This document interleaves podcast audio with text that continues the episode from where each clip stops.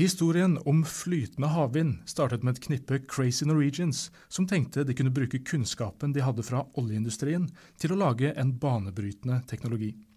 I dag tror mange at flytende havvind kan bli Norges neste industrieventyr. Flytende havvind blir av og til kalt offshore vind, noe som kan være litt forvirrende. Det viktigste er å skille mellom bunnfast og flytende havvind. Flytende havvind betyr bare at i stedet for å feste vindturbiner til havbunnen, setter man de oppå flytende konstruksjoner.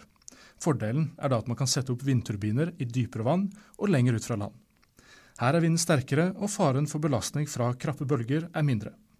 I tillegg slipper man både visuell forurensning tett på land og en del potensielle konflikter med skipsfart.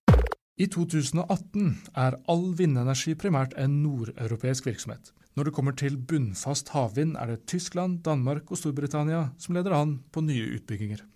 Utviklingen er i stor grad drevet av statlige subsidier. I Norge har satsingen på bunnfast havvind stått på stedet hvil i mange år. Den første konsesjonen for en bunnfast havvindpark ble utdelt i 2009. Den gir utbyggingstillatelse for 80 vindmøller i sjøen utenfor Sandøy kommune i Møre og Romsdal. Navnet er Havsul 1, og prosjektet har ligget på is i en rekke år, bl.a. pga. manglende politisk vilje. Men utbyggeren Havgull Clean Energy håper nå på oppstart innen 2022. Historien om flytende havvind er det imidlertid mer fart over. Her var nemlig Norge først ute. 18.10.2017 åpnet verdens første flytende vindpark utenfor Skottland, med Statoil som operatør. Hywind Scotland leverer nå strøm til om lag 20 000 skotske hjem. Gunnar Nilsen er mannen som ledet forskningsprosjektet bak Hywind. Han forteller at det var veldig mange skeptikere rundt om i Europa som mente at dette var galskap. Those Crazy Norwegians ble Gunnar og teamet hans kalt.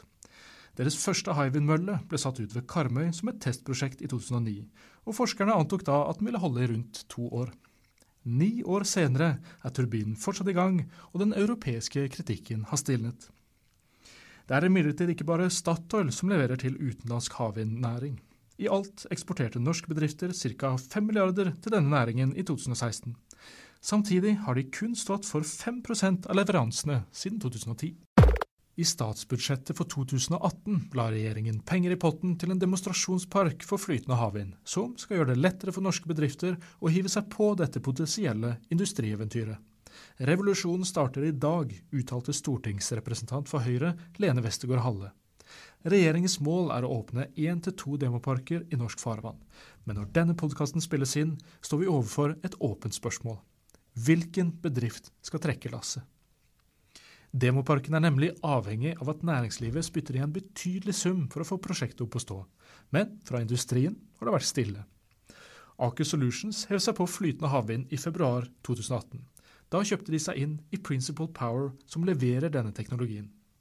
De har imidlertid ikke ønsket å uttale seg om hvorvidt de vil støtte en demopark i Norge.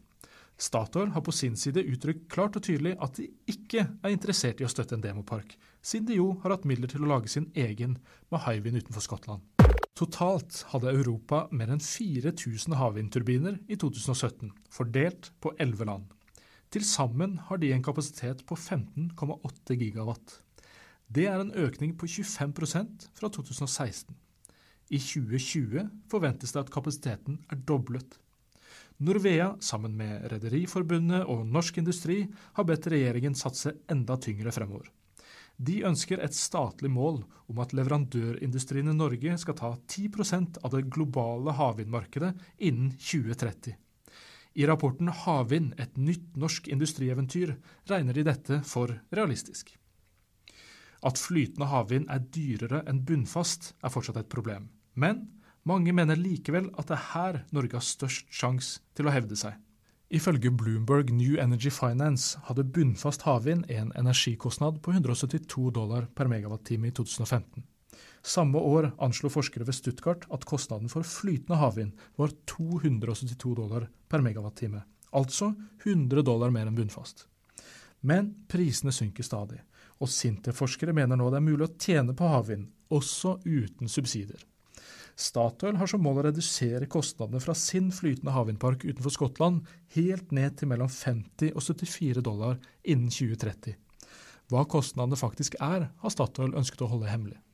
Siden den første havvindparken ble installert utenfor Danmark i 1991, er det blitt investert 58 milliarder euro i kapital- og driftskostnader i den europeiske havvindindustrien. Ifølge Eksportkreditt Norge anslår man investeringer på 100 milliarder euro mellom 2017 og 2025. Irene Rummelhoff, som er konserndirektør for nye energiløsninger i Statoil, har tidligere uttalt at det er et faktum at 80% av havvindressursene er på store havdyp der tradisjonelle bunnfaste installasjoner ikke egner seg. Da er det selvsagt at flytende havvind vil spille en betydelig rolle i fremtiden.